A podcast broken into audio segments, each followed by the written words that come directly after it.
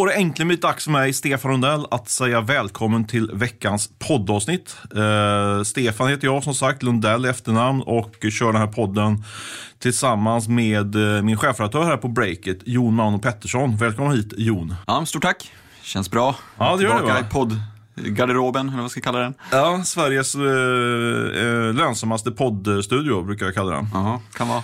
Och klockan är tio över åtta, vilket är bra. Bra start på dagen och köra igång så här. Och vi ska också säga att vi är backade av Almi Väst, mycket viktigt, som gör hjälper oss att, att köra den här podden eh, finansiellt kan vi väl säga. Och vad pratar vi om i podden om vi har fått några nya lyssnare sen förra veckan? Ja, vi brukar ju dela upp den här podden i tre olika segment. Eh, veckans möte, eh, veckans snackisar och eh, sist men inte minst veckans köp och sälj. Eh, och vi börjar väl med veckans möte. Ska du eller jag köra? Uh, kan väl komplettera det också, vi pratar mycket om nya näringslivet också ska vi säga. Kanske rätt. själva ämnet, inte bara möten generellt liksom.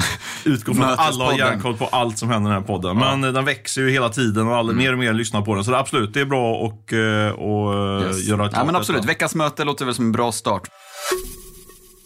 Men så här, jag, jag har inte haft så bra mötesveckor sett till liksom externa möten. Jag har haft Mycket mycket, mycket, bråk. mycket, brå, nej, men mycket interna möten framförallt. Jag har jobbat hemma en del också. Så, där, så jag har inte haft så mycket liksom, så här sexigt att komma med till podden. Men däremot så hade jag ett möte, eller jag stötte ihop med finansmannen Sven Hagströmer förra veckan. Eh, och det var strax innan att uh, Creades, som han då liksom äger, eh, delvis äger, uh, sålde sitt innehav i Price Runner till Klarna. Eh, Så vi hann tyvärr inte prata om det som det var innan. Men det vi däremot hann, hann han komma med lite så här break-it feedback till mig liksom, i- i det här korta mötet. Bland annat vår startsida som han Jag måste, bara, jag måste bara flika in att Hagström är ju faktiskt en av våra finansiärer på ett sätt kan man säga. Han har ju köpt, eh, köpt ett eh, premium, Sveriges dyraste premiumabonnemang på Break kan man säga. Han är, hur dyrt var det då? Ja, 50 papp tror jag han gick in och fick Mm. eh, ett par prenumerationer på det. Men det, ja, det gillar jag verkligen. Tack. Ha- Hatten av för Sven Hagström måste jag säga. Ja, precis. I, i samarbete med Sven Hagströmer kommer det dagens möte. nej, nej, men eh, det, han gav lite feedback ändå på vår sajt att han tyckte liksom, man får lite för lite när man kommer in på startsidan. Liksom. Då går du in på break.se, då, då ser du ju väl, inte antalet artiklar, men det du ser är egentligen en ganska stor artikel, så kanske du ser senaste nytt-boxen ungefär. Sen ser du inte så mycket mer, utan då måste du börja scrolla och hålla på. Han gillar inte det, liksom. han vill ha mer. Liksom, Dagens Industri, om man kollar på den sajten, får man rätt mycket, liksom, många olika spalter och det händer ganska mycket. Eh, så det var lite feedback som jag fick, så nu måste vi liksom bygga om sajten liksom, efter det här mötet. Jaha, okej. känns ju tungt. Ja, intressant. Faktum var att du vet, Patrik Arnesson på Mm. Forza Fotboll, han gav mig samma feedback. Han sa det måste vara bättre tempo på sajten, det måste hända mer. Och så skickade jag en skärmdump till honom som visade att vi lagt ut tror jag, var 20 artiklar ändå. Mm. Någonting, som han inte hade sett då, utan han såg bara på start då. För det är ju så att Sen får man ju också feedback ibland att folk uppskattar vår sajt, att den är så enkel och rak liksom det händer liksom inte så mycket. Ofta med sådana här spalter och liksom kolumner, att det kan ju bli sånt att ingen klickar på dem, att de bara är. Liksom. Eh, Så det finns väl både två sidor av det hela, men Hagström vill ha mycket i alla fall på sin första, liksom, när han kliver in där. Men som chefredaktör, vad tror du? Är det på väg att vi ska göra om sajten eller lite grann? Eller nej? Ja, men det görs väl om lite grann hela tiden, små liksom ansiktslyft sådär. Sen får vi väl se exakt eh, om det kommer bli liksom en stor omgörning någon gång eller om vi håller oss till det här lite mer enkla formatet. Jag kan tycka att det är ganska nice att det inte liksom är för mycket som händer på en startsida med massa olika kolumner och sånt. Men å andra sidan, det, det, har man kolumner som fylls med material, liksom, Dagens Industri är ju lite större ändå sett till liksom, vad de så bevakar länge. än så länge. Så när vi ändå har lite fler liksom, kolumner att fylla så kanske det, de, de ska vara där också. Du då, om vi ska bolla tillbaks, möte. Ja, eh, jag träffar ju Decca Abukar eh, som jag har kört ett projekt som heter, heter Shift med här under våren. Vi träffade henne ute i Husby, eh, gjorde jag. Och då kanske du undrar varför? Ja, jag vet varför. Men Du vet varför? Nej, men jag fick ju sanktionerat att eh, jag tog ut en, tog, tog med en fotograf ut till, till Husby och Kista centrum där. Vi tog faktiskt bilder, för det är så att glädjande nyhet i alla fall för mig och även kan man säga för breaket att, och Decca, det är att vi blivit nominerade till Stora Journalistpriset som årets, i kategorin Årets förnyare. Och det är ju riktigt stort får man säga. Stora Journalistpriset eh, får man ju ändå eh, helt objektivt säga är det största journalistpriset i Sverige, eller hur? Så är det, absolut. Det är verkligen eh, liksom fjäder i hatten till dig och Breakit och Decca för det här initiativet. Ja. Sjukt, sjukt kul och stort faktiskt. Ja men verkligen. Så vi, vi tog bilder ute och ja, man måste påpeka att det var ju verkligen ett grupparbete det här. Det är inte så att jag och Decca bara gjort det här. Decca har ju från sin organisation Bling då och Breakit, nästan alla på Breakit har varit involverade på något sätt mm. i, i det här Shift-projektet. Som i en eller två meningar kan sammanfattas i att vi ska försöka koppla ihop kapitalet runt Stureplan med eh, orten och landsortens vassaste entreprenörer. För vi identifierade att det fanns ett stort glapp där. Vi gjorde en kartläggning som visade att, att en väldigt, väldigt stor andel av riskkapitalet hamnar då till, hos eh, entreprenörerna som häckar runt Stureplan. Vi vill mm. göra något åt det helt enkelt. Mm. Så det där är spännande, spännande. Nu kommer nomineringen idag, eller i, igår kan man säga när det här sänds ut då, eh, på torsdagskvällen. Och eh, mm, ja, sen håller vi tummarna då hoppas jag för att vi ska ja, vinna också. Vi får se. Exakt, och själva greppet om man ska säga något kort om det. Nu har jag inte läst liksom själva nomineringstexten, vad juryn fångade upp. Men lite så är det väl att vi gjorde ju liksom en, gran, en kartläggning av liksom vart tar kapitalet vägen, det riskkapitalet som är så viktigt för att bolag ska växa, om det är tillväxtbolag. Eh, och, och det nådde liksom inte utanför storstäderna förenklat. Mm. Och, en procent tror jag det var som ja. hamnar utanför storstäderna. Och där kände vi väl någonstans, och framförallt du som har varit liksom eldsjälen på Breakit kring det här projektet, att liksom, där kan vi ju ändå förändra. Vi kan ju bidra här. På, och så istället för att bara låta det stanna vid liksom journalistik som tar slut när granskningen är publicerad så valde vi att fortsätta och gasa på och liksom faktiskt liksom koppla ihop pengarna. Och liksom, det blev ju rätt många investeringar till slut i bolag som kanske inte annars hade fått kapital. Mm. Så Nej, det, men det blev, det blev lite grann beroende på hur man räknar, men en, eh, minst, minst fem bolag fick kapital och det var ungefär eh, minst 10 miljoner. Man kan, man kan faktiskt hävda att det var uppåt en 20-25 miljoner för då blir mycket ringar på vatten och sådär. Men, ja, men det, och jag, min ambition med det där var egentligen att eh, när vi gick in i det, tänkte att eh, tänk om ett bolag kan få kapital. Mm. Eh, och om man ska vara lite visionär så, så tänker jag faktiskt med, med tanke på alla de här hemska skjutningarna som, är, som pågår både i orten och även nu inne i city. Så, så och då är, läser man ju om att eh, de här, pratade om det i förra podden, om eh, gangsterrappare och allt vad det är. De är, lite, är ju lite förebilder ute i orten faktiskt för ganska många människor. Eh, och då tänker jag, tänker man kan, kan vara med och, och bygga eh, nya förebilder i form av entreprenörer. Det är mm. lite grann det som är den, den, den, stora visionen för det här projektet. Att det här kan vara, inte, lö, inte hela lösningen, men en liten, liten del av lösningen på, på alla de här problemen vi ser ute i orten nu just nu. Mm. Och massa spännande journalistik på vägen också på, med entreprenörer som vi annars kanske inte hade lyckats fånga upp om inte vi hade aktivt liksom sett till att vara där. Absolut, det här är ju verkligen ett sånt projekt som jag älskar för det finns så många saker som klickar i. Dels är det ju, har vi ju själva ett problem att vi, att vi har alldeles för mycket vita medelålders män på sajten. Så vi får in liksom helt andra typer av, av uh, profiler och uh, folk med olika ba annan bakgrund. Liksom. Det är jättebra. Uh, det är också kommersiellt ett intressant projekt som jag tror på jättemycket. Vi tittar ju lite grann på Gazellerna på Dagens Industri som har varit väldigt framgångsrika. Och det här är ju något projekt som växer nu. Mm. och sen så är det ju som, som du är inne på väldigt relevant journalistik helt enkelt. Mm. Ja men superkul. Ja. Bra möte. Verkligen apropå finansiering och sådär så leder det oss in på att vi också har med oss en eh, avsnittssponsor som heter Tele2 Företag. Och eh, jag ska säga att vi sponsras ju då som sagt utav Tele2 Företag eh, den här veckan. De är faktiskt med och backar he oss hela hösten, vilket vi älskar såklart. Tele2 Företag är den telekomoperatör och integratör som var, faktiskt var först med att lansera publikt 4G i hela Sverige. Och man var först ut också när det gäller det publika 5G-nätet. Nu har man stenhårt fokus på att hjälpa alla företagare att nyttja hela potentialen med den nya tekniken. Och här är hållbarhetsaspekten en väldigt viktig komponent. För tack vare 5G-tekniken minskar energiförbrukningen rejält och tekniken öppnar upp för en rad nya innovationer som i sig faktiskt kan bidra till mer hållbara lösningar. Jag tycker du ska gå in på tele2.se företag och läs mer om det här, hur 5G kan hjälpa både ditt företag som entreprenör och då alltså vår planet. Gör det nu! Och nu har det äntligen blivit dags att gå in på första snackisen i veckan. Ja, jag ryckte ja. tjocktröjan nu. Nu står jag i t-shirt här, liksom redo för att kliva in på snackis nummer ett. Det är nästan uh. inspirerad att dra med hoodien här, ja. men uh, vi står bara överkropp på slutet. Riktigt grabbpodd. Nej, men absolut. Vad är veckans snackis? Det är väl Klarna-prisen och du skulle dra lite grann kring Ja, detta. men precis. Bara kort eh, för den som har missat själva affären. I tisdags kom ju nyheten att betalbolaget Klarna köper upp prisjämförelsesajten Pricerunner för drygt 9 miljarder kronor. Rätt maffig affär som vi la rätt liksom, mycket kraft på breaket under den dagen. Liksom, att bevaka och skriva om och även uh, gjorde massa olika uppföljningar. Uh, två väldigt liksom, tunga, kända bolag med massa spännande ägare också ska sägas. I Pricerunner hade vi bland annat Carl-Johan Persson, H&M, Arvingen och tidigare vdn som största ägare var det va? Eller? Ja, ja. största ägare. Största ägare, Niklas Storåkers, techprofil, Creade som jag nämnde lite sladdrigt här i början med Sven Hagström i spetsen, E-equity, riskkapitalbolaget. Ja, men rätt många så välkända breakit-namn kort sagt som Precis. cashar in rejält på den den här affären. Uh, och spännande affär också liksom i Klarnas utveckling. Men vad, vad är din take Stefan på, blev du förvånad, eller först, blev du förvånad över liksom själva nyheten när den kom? Mm, nej, det blev jag faktiskt. Jag har, jag har försökt ta ett litet höstlov här, men jag var ju tvungen att eh, följa i rapporteringen som jag tyckte var bäst i Sverige faktiskt. Lite, lite tröga starter, men sen så gasade vi ikapp förbi alla. Ja, det var mitt i morgonmöte som det där nyheten kom, ah, så det missades lite grann. Liksom, så det var. Ja. Jag fick faktiskt ett sms från, från en av dem som sålde här och som gav lite heads-up och nu, nu har det hänt någonting. Mm. Nej, men tillbaka till frågan som jag blev förvånad. Ja, det blev jag faktiskt. För jag och även andra kollegor här i mediebranschen har skrivit om att Pricerunner är på väg till börsen. De har anlitat rådgivare och så här. Så allting var liksom eh, klappat och klart för en börsnotering här precis innan jul. Eh, så det var förvånande. Men samtidigt så, så tyckte jag att det var intressant. Eh, du tar ju upp några av de aspekterna som har varit nu. Nu när vi går ut med det här på fredagen så har det ju, har det ju harvats fram och tillbaka lite grann den här Pricerunner-affären. Så jag tänkte mm.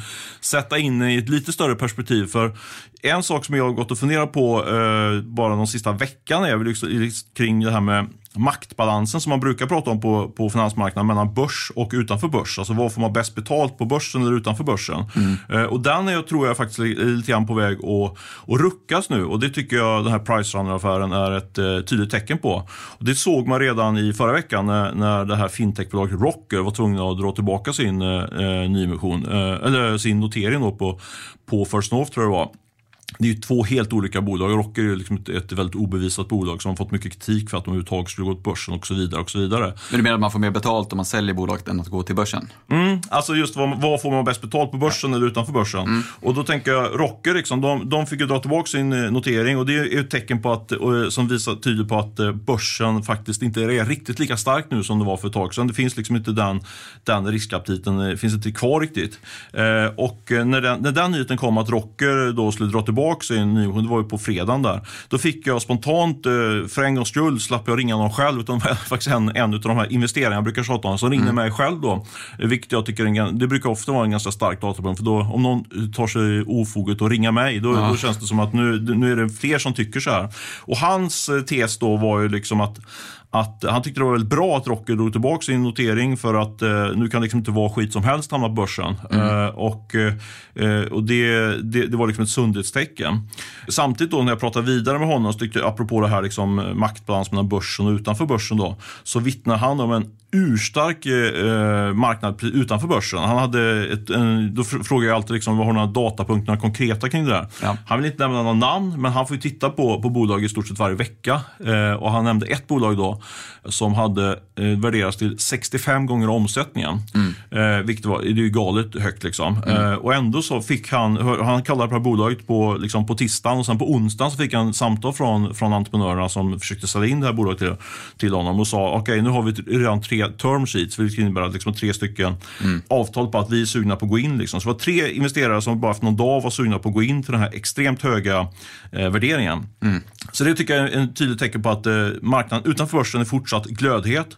Men vi börjar få se eh, indikationer på att, eh, att riskaptiten på börsen börjar vackla lite grann. Och då var det framförallt det Rocker, men, men ännu mer tydligare då med Pricerunner. Då, för mm. Pricerunner skulle ju till börsen, men det visade sig att Klarna då köper dem istället och såklart då betalar bättre. För det, den mm, vad, vad tänker du om eh, prislappen om vi bara stannar upp där då? 9 miljarder Ja, den är ju extremt hög. Mm. Uh, alltså det, det, det, de värderades ju till, uh, jag tror för ett år sedan, ungefär 3 miljarder. Och sen bara för, för ett par månader, någon månad sedan var det väl, som Creader så värderade de till 7 miljarder och nu är det uppe till 9 miljarder. Så det är en oerhörd uh, prisuppgång. Det är ett superfint bolag, Pricehandel, som Niklas Storåkers måste man verkligen hatten av. Han kom in i, i bolaget när det var lite en, eh, det var lite på Dekes bolag, var fortfarande lönsamt men det ägdes av amerikanska ägare som inte har brytt sig om bolaget egentligen. De har satsat jättemycket pengar på, på teknikutveckling, de har verkligen gjort en riktigt bra plattform, mm. eh, expanderat utomlands och har jättehöga marginaler. Men om man tittar på, på eh, sådana här liksom multiplar och sånt så är det väldigt, väldigt högt värderat helt enkelt. Och vad tror du att det beror på då? Om vi, liksom, varför betalar Klarna så här mycket? Ja, men det, det finns ju uppenbarligen en, en, superbra synergi som vi brukar prata om i den här typen av affärer. Eh, jag tror Priceline finns på tre, fyra marknader nu och har ju planer på att gå hade ju varit, deras plan var att de skulle gå till börsen, ta in kapital och sen rulla ut eh, sin teknikplattform på en massa olika marknader ute i Europa till början, men även i andra delar i världen. Mm. Nu kan de bara ta den plattformen och jacka in den på, i Klarnas, eh, på Klarnas marknader runt om i Europa även ute ute, om de finns i USA också. Så där finns det en jättebra synergi helt enkelt. Så det är väl det som är planen tror jag. Och det är väl det som motiverar den här höga prislappen. Just det. Har du någon mer spaning runt Price Runner eller känner du dig klar här? Men jag vet inte, vi funderar, vi snackar, vi snackar en hel del om, vi har ju haft listor på här är de stora vinnarna och så här. De stora ja. vinnarna är ju, är ju Carl Persson som nästan lite så ointressant vinnare för han är ju så snuskigt rik redan från början så det blir liksom inte så ja. intressant egentligen. Eh, så vi har rabblat de här, de här vinnarna så... Ja, hur tror du han firar? Liksom, känner, bryr han sig ens liksom, eller är det bara Ja. Bra fråga. Bra fråga. Jag vet inte, nästan en filosofisk fråga. Jag vet ja. inte. Det, det, det, för det rör ju inte hans, påverkar inte hans verklighet alls. ingenting. Liksom. Nej, men det, han kanske är mer så att, jag tror jag tänker på att han går igång mer på, liksom, eh, faktiskt låter det väldigt så här, inställsamt mot Carl Persson, men att han, han går väl igång mer på företagsbygget liksom och säger att det, det blir som ett lösat korsord. Liksom. Och nu, har det, nu har han fått fart på det här och eh, känns kul liksom, för, för alla, på alla håll och kanter. Mm. Apropå Carl Persson måste jag säga, har du, ser du på det här Solsidan? Uh, nej. Otroligt, han var med i Solsidan. Ja, ja, väldigt bjussigt måste jag säga. Han dök ja. upp den scenen i slutet. Det var, helt blown away faktiskt. Det kan jag rekommendera. Det är, det är en, eh, en teaser. Han, det, han höjde sig min tandsida. Han var verkligen, eh, han tog med sig... Hade, det känns tog... lite oväntat. Han är inte riktigt den kanske som Nej. brukar poppa upp i sådana sammanhang. Verkligen, och det var väldigt med självdistans också. Han hängde ut sitt barn. Jag tror inte det var hans e-, egna barn. Men, eh, ja, det, ni får titta. Jag kan rekommendera det faktiskt. Mm. Solsidan. Men, nej, men det var många som blev snuskigt rika på det helt enkelt. Så jag tycker vi kan väl konstatera att, att så var det. Och sen så har vi en riktigt stor förlorare eh, som är eh, Nordstjärnan som ägs av eh, miljardärsfamiljen Axel Jonsson. Eh, de gjorde är ju den stora torsken på det här så att säga. De sålde ju bolaget, eh, 30–35 procent av bolaget till, till E-equity, Magnus Wiberg som faktiskt var med och grundade Priceon för många år sedan.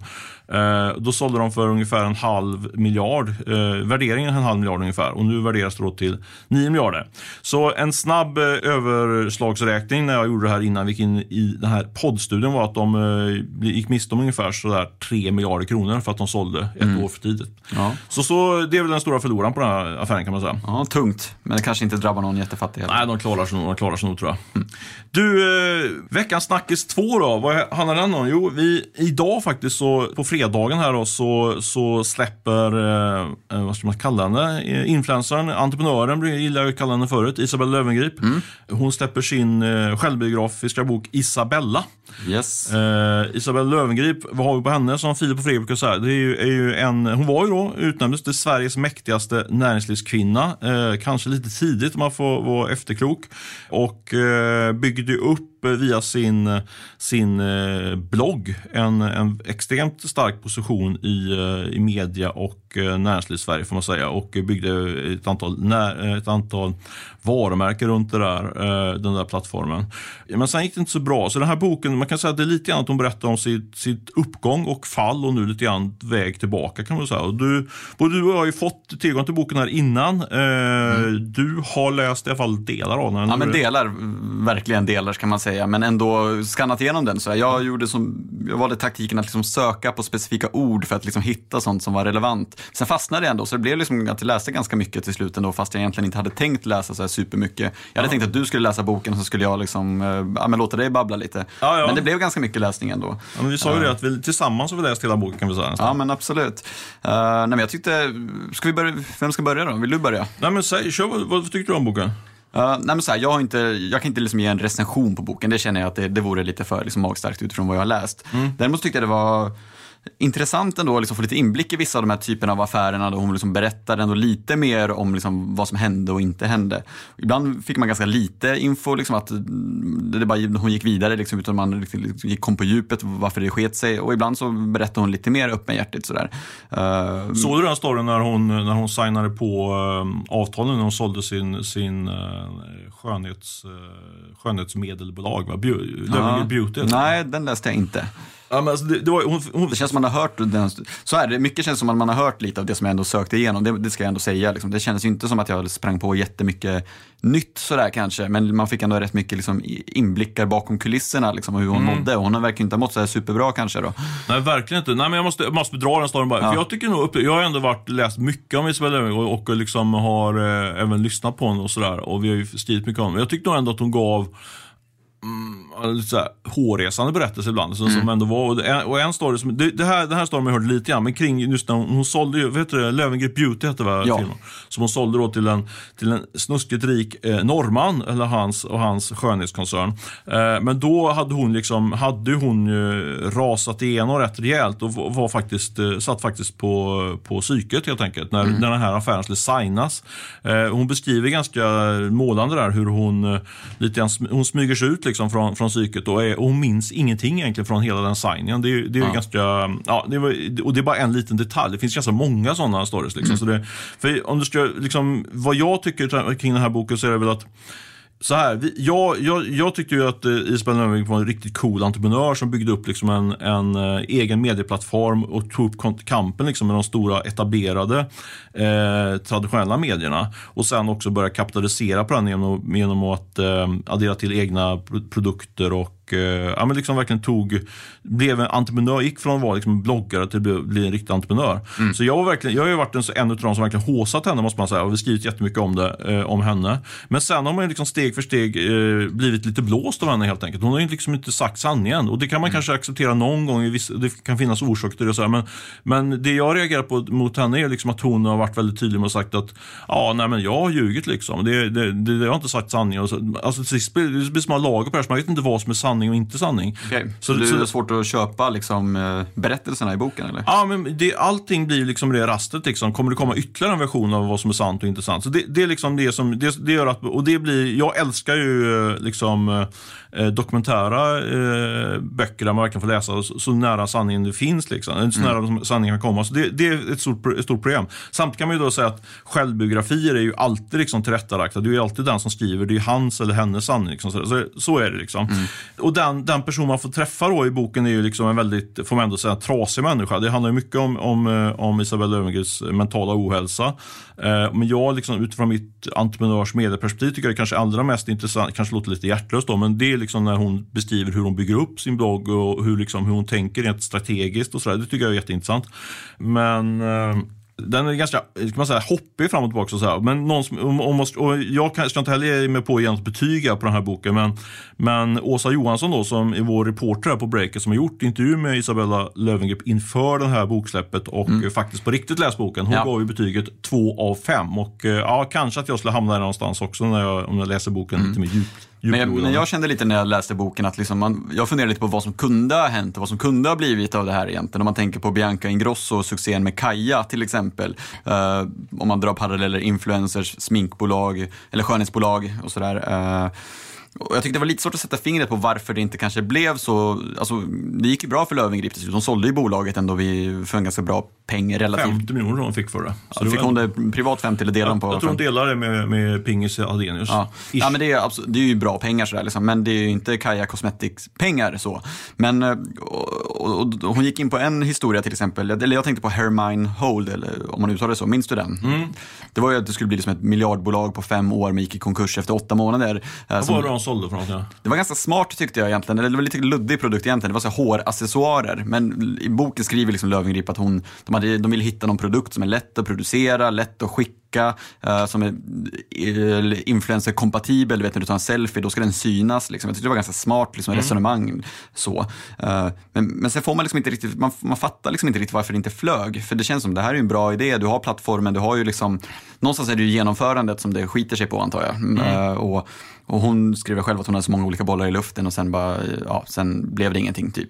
Där tror jag, om du ska göra min analys, så tror jag precis där du säger. Att hon hade, hon, det, två saker tror jag. Dels var att hon, hon hade för mycket grejer. Hon, liksom, hon började investera också Ja. i, massa bolag. Eh, så hon blev för splittrad. Eh, och sen är det faktiskt, det är ju, det är ju liksom den, den stora klyschan, men den stämmer ju verkligen. Det är ju genomförandet är ju allt. Liksom. Det är lätt att komma med massa idéer och sen gäller det verkligen att köra i, i hela vägen.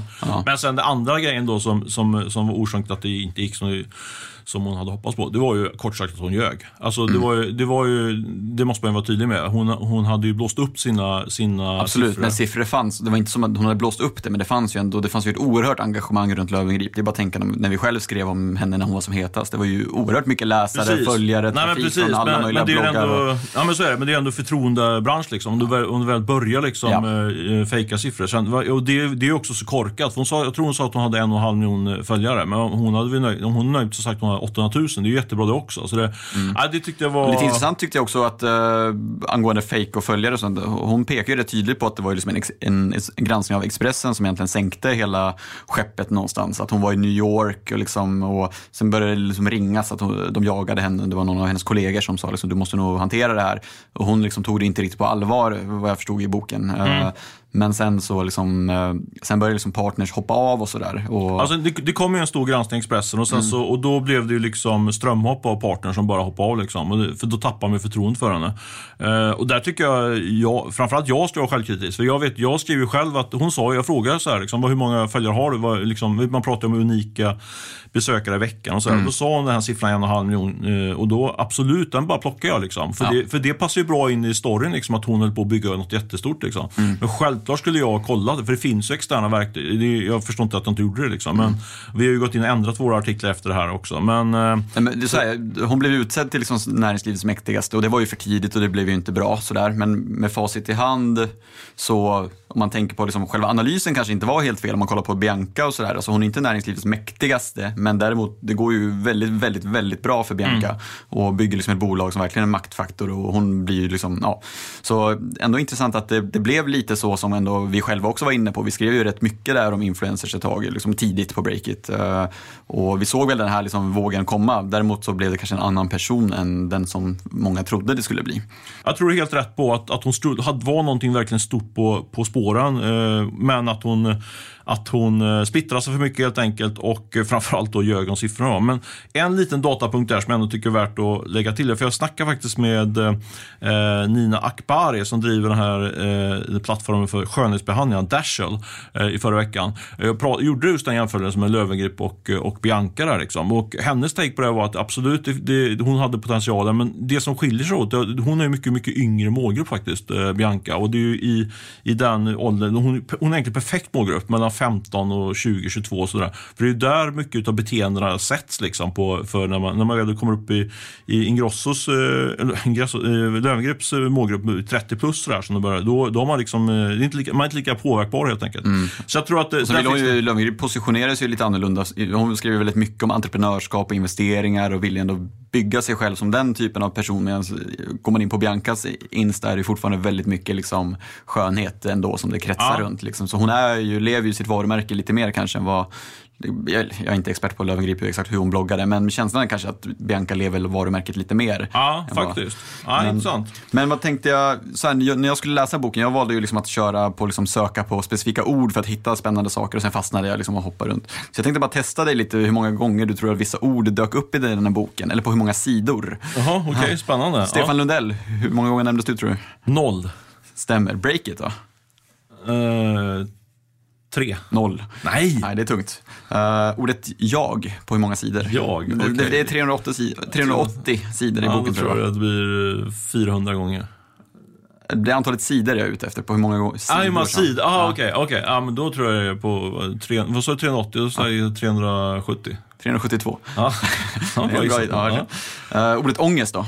Ångest? Ja, i antal, på hur många sidor det var eller? Ja. Ja, det tror jag att det var på 50 eh, sidor. 31. Ja, men du har en ganska bra känsla. Du kanske har läst boken ändå. Och ordet tech?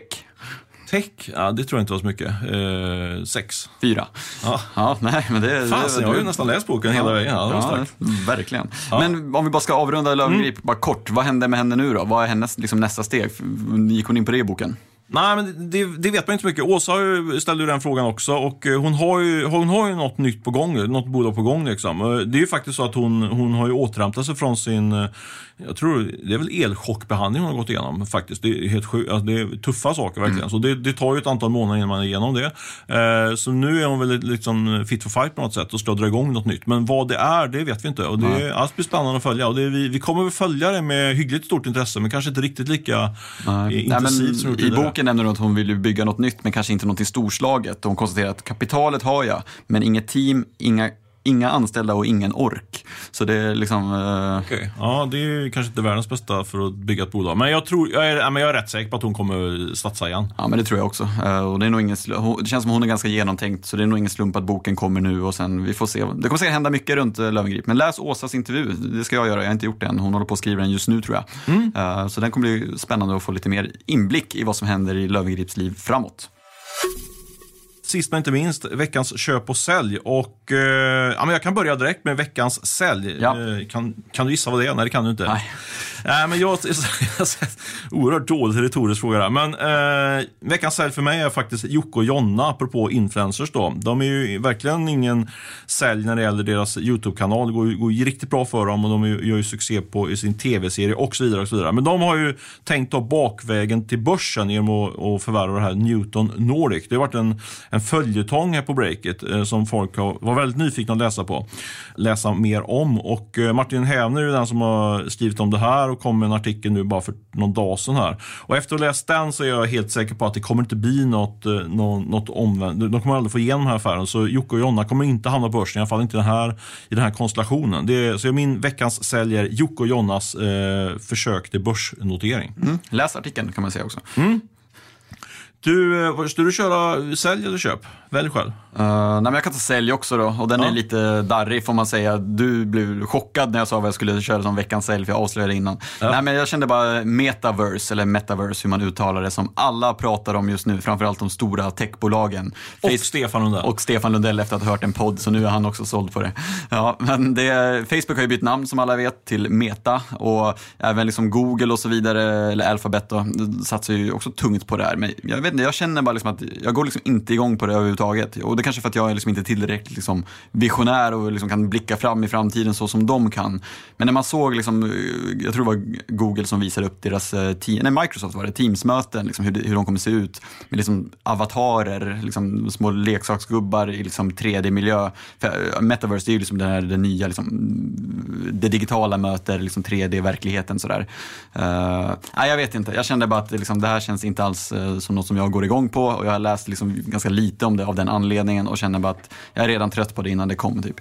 Men eh, Ja, ja. ja Men det var kan vara- rejäl, det var en hård sälj ändå får man säga. Det är bra. Men, och jag säger, jag, jag, jag, jag, rest my case. Vi får se. Eh, jag brukar alltid det är klart att det, det finns men... säkert... Nej, stå fast Nej, men det, det finns nyanser såklart. Men jag känner att typ Zoom-möten som sen man ska liksom se ut som digitala avatarer när man pratar. Är det framtiden? Är det det man ska liksom lägga alla pengar man har på Facebook till att liksom bygga? Alltså jag förstår att man måste ha en vision och jobba mot någonting, men just den där visionen känns, jag vet inte. Jag säger ingenting. Jag säger bara att jag, den podden jag lyssnade på kan jag faktiskt rekommendera. Det var ju Peter Kafkas eh, Recode Media-podd. Där det var en intervju med eh, en kille som eh, Mark Zuckerberg har tagit råd av när det gäller metaverse. Jag Ja, det du, du pratade innan podden om att du skulle köpa några fonder som skulle investera i metaverse. Och Ja, precis. ETF där. Det är veckans köp kanske. Apropå veckans köp då. Det är inte eh, Metaverse ETF, men, men det skulle kunna vara. Utan istället veckans köp för mig den här veckan är, jag får gå tillbaka då till Pricerunner-affären, det är ju Niklas Storåker. Så jag gjorde en liten snabb slagning på honom och hans, det är helt otroligt vilket track record han har. Mm han har, gjorde först, Nordic Net, först hoppade han av Avanza eh, och sen sa han att nu ska jag dra igång något nytt stort tillsammans med finansiärer. Och eh, då köpte han någonting som, som sen blev Nordic Nest. Där gjorde han ungefär en kvarts miljard i vinst. Gick vidare till och köpte, var första investerare i Tink där han nu cashar in ungefär en miljard när Visa köper dem. Och nu då ungefär två miljarder på Pricerunner. Så han har en massa pengar i, i kassan och eh, jag, mitt eh, köp är egentligen att ta rygg på Storåkers. Frågan är hur man gör det, men eh, jag skulle gärna vilja göra det som investerare. Ja, det känns som vi får prata kanske i en annan podd om vad, vad kommer hända med Storåkers alla pengar nu, liksom, när han sitter på sånt där kapital. Vad, vad ska han göra härnäst? Men det, det, vi sparar den tror jag, så att det inte blir för långt här helt enkelt. Men bra veckans köp, verkligen. Verkligen. Och vad har vi för, ska vi se, vad har du kvar? Har Ja, du, veckans köp också. Ja, Ja. kör. Nej, men det är också kopplat till Pricerunner-affären. Jag tänkte på Klarna framför allt där. Och nu pratade vi inte så mycket om det, men liksom det här köpet är ju en del av liksom Klarnas omvandling från liksom klassiskt liksom betalbolag till någonting ganska annorlunda.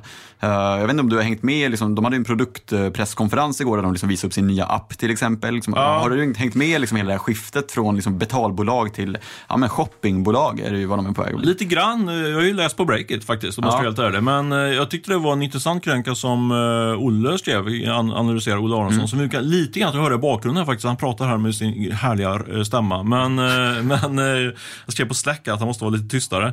Men tar, du, du har gått lite mer på djupet på det kanske? Ja, nej, men inte jätte på djupet, men Klarna håller ju på liksom med ett skifte kan man väl säga någonstans från att det var bara liksom den klassiska liksom betallösningen eller fakturatjänsten till att bygga nu en app där man, där man vill att, att folk ska liksom shoppa i appen. Liksom en konkurrent till liksom som Google och Amazon att istället för att söka på Google eller Amazon efter produkter så ska du söka i Klarna-appen. Och det är där Pricerunner kommer in också. Då får du upp massa produkter där du kan se de billigaste på de olika sajterna. Liksom. Man samlar ju allting på ett ställe någonstans. Uh, och sen också se liksom, uh, leveranser och koldioxidavtryck och allt vad det är. Liksom. Man vill liksom bygga en, den optimala shoppingappen. Man har ju köpt live shoppingbolag innan också och så vidare. Liksom, snarare än att köpa massa fintechbolag. Och det är ändå ett skifte någonstans från liksom, att Klarna Bank som man bytte namn till för ett tag, några år sedan. Liksom, att nu känns det mer som att det är Klarna Shopping som är fokus någonstans. Att man vill äga hela shoppingkedjan någonstans. Och då börjar man ju fundera direkt, liksom, vad, vad blir nästa uppköp? Är det liksom ett leveransbolag? Är det last mile? Liksom, ska man äga hela kedjan? Mm. Eller, ja, jag vet inte, men jag tycker det, det, det känns som ett spännande skifte. Sen är jag inte övertygad om att det liksom är är det rätt eller fel? Ingen aning. Liksom. Men det är ändå spännande att Klarna liksom är, har en vision om att bli någonting större än bara liksom, betaltjänst. Eh, bra, är bra spaning. Så du, typ, de skulle kunna köpa Budbee? Eller ja, men typ. Ja. Potentiellt. Sen vet jag inte om det liksom jackar in i, liksom, om det är det de ska göra. Men varför inte, liksom, om de nu vill äga liksom, hela shoppingupplevelsen någonstans. Och det äger man väl bäst genom att äga allting då. Men, eh, nej, men jag tycker det är spännande helt enkelt. Och det är mm. spännande att utmana. Liksom. Sen har jag testat appen lite grann. Jag vet inte om jag själv kommer liksom shoppa i Klarna-appen i dagsläget. Jag tror inte det. Jag kommer att fortsätta liksom googla på en produkt och sen klicka mig vidare någonstans. Kanske via Price Runner. Liksom. Men uh, på sikt kanske. Vi får se. Just det. Ja, eh, intressant, eh, intressant köp snedstreck eh, analys kan man säga. Ja. Eh, signerad Jon Manuel Pettersson. tackar vi för. Du, dags att eh, avsluta nu. Men innan dess så ska jag ha en liten bonus, bonusköp kan man säga. Jag tycker att ni ska lyssna på Bokpodden, eh, vår systerpodd, som denna vecka har med sig eh, fintech-profilen och investeraren Lena Apler. De snackar om en ovanligt kort bok, vilket jag gillar. Man hinner läsa mm. den snabbt. 70 sidor av Kjell Nordström och Per Schlingman. Eh, jag säger inget mer än så. Lyssna på podden så får ni, får ni veta mer. Eh, ansvarig utgivare var Olle Aronsson även denna vecka. Och eh, ja, jag har inget mer att säga mer än tack och hej. Vill du säga något annat? Nej, jag tänker du kan ju bara sno mitt liksom, bokläsarknep, söka på ord och sen bara läsa om de orden som du tycker är spännande. Då sparar du tid istället för korta böcker. Ja, det är sant. Det är ett hån mot skönlitteraturen. Ja. Men, ja, nej, men okej, nej, jag, jag suger på den. Men så gör man när man är nyhetsjägare snarare än kanske en bokläsare. Helt rätt. Okej, men eh, kul att ni är med oss hela eh, vecka ut och vecka in och vi hörs nästa fredag helt enkelt. Ha det, det bra. Ha det bra. Hej då. Hej, hej.